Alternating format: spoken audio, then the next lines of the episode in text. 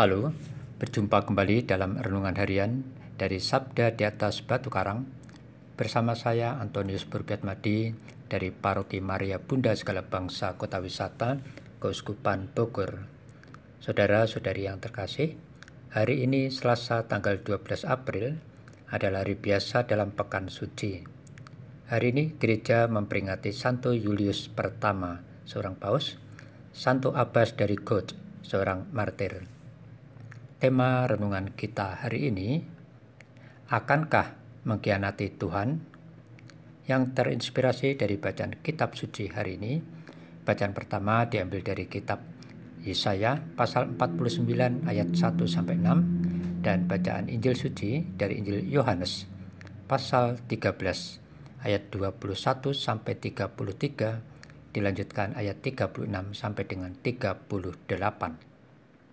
Mari kita siapkan hati kita untuk mendengarkan sabda Tuhan yang akan dibacakan oleh Saudari Monika Rosa dari Paroki Kristus Raja Katedral Keuskupan Tanjung Karang.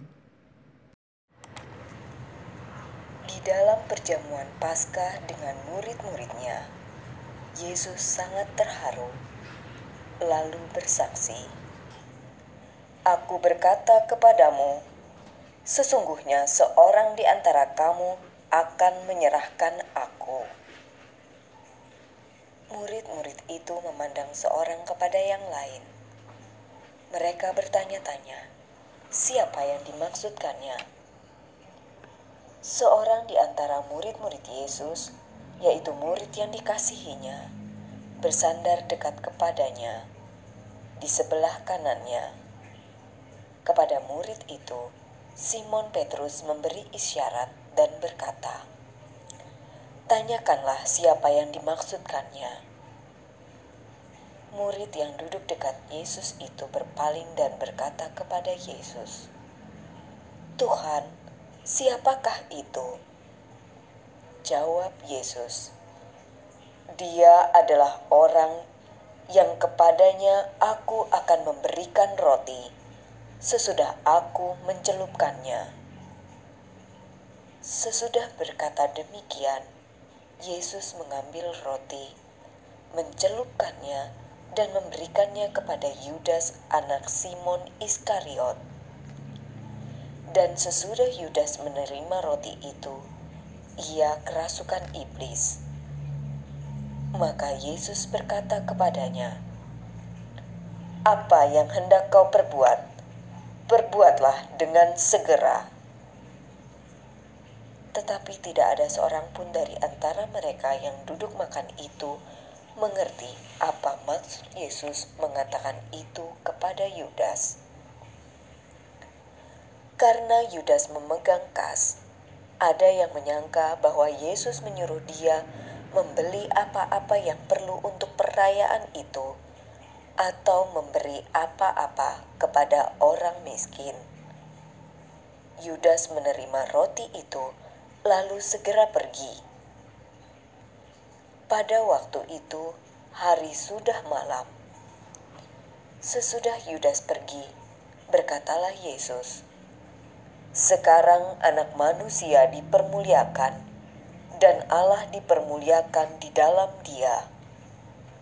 Jikalau Allah dipermulakan di dalam dia, Allah akan mempermuliakan dia juga di dalam dirinya dan akan mempermuliakan dia dengan segera.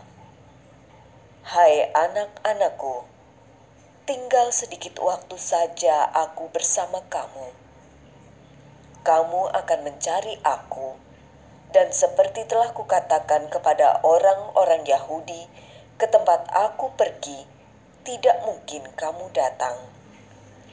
Demikian pula aku mengatakannya kepada kamu. Simon Petrus berkata kepada Yesus, Tuhan, ke manakah engkau pergi?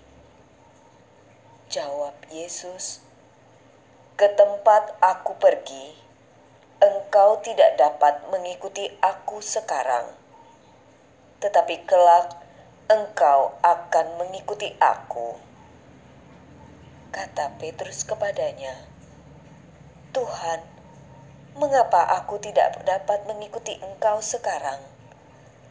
Aku akan memberikan nyawaku bagimu. Sahut Yesus, nyawamu akan kau berikan kepadaku? Sesungguhnya aku berkata kepadamu, sebelum ayam berkokok, engkau akan menyangkal aku tiga kali. Demikianlah sabda Tuhan. Terpujilah Kristus. Saudara-saudari yang terkasih, kita sering tidak menduga bahwa orang terdekat kita, entah itu pasangan kita, kerabat, atau rekan kerja kita, dengan teganya mengkhianati kita sehingga kita menjadi korban. Sekalipun kita sudah sering diberitahu oleh orang lain, namun sering kali kita mengelak atau membela akan kesetiaan pasangan atau rekan kita. Tidak mungkinlah dia akan mengkhianati aku. Demikian sering kita katakan. Kedekatan relasi kita dengan seseorang ternyata tidak menjamin kesetiaan diri. Adakah kita memiliki sikap pengkhianatan iman terhadap Tuhan? Saudara-saudari yang terkasih, dalam bacaan Injil pada hari ini, Yesus memberitahukan kepada para muridnya tentang rencana jahat dari salah seorang muridnya yang hendak mengkhianati Yesus. Mereka pun saling menduga-duga siapa di antara mereka yang dimaksudkan oleh Yesus. Tentu kita tahu bahwa relasi Yesus dengan para muridnya sangatlah dekat karena mereka selalu bersama-sama Yesus dalam berbagai kesempatan. Yesus sudah tahu sikap Yudas Iskariot sejak awal mula, tetapi para murid tidak memahami niat hati dari Yudas Iskariot tersebut, meskipun Yesus sudah sering mengatakan hal itu kepada mereka.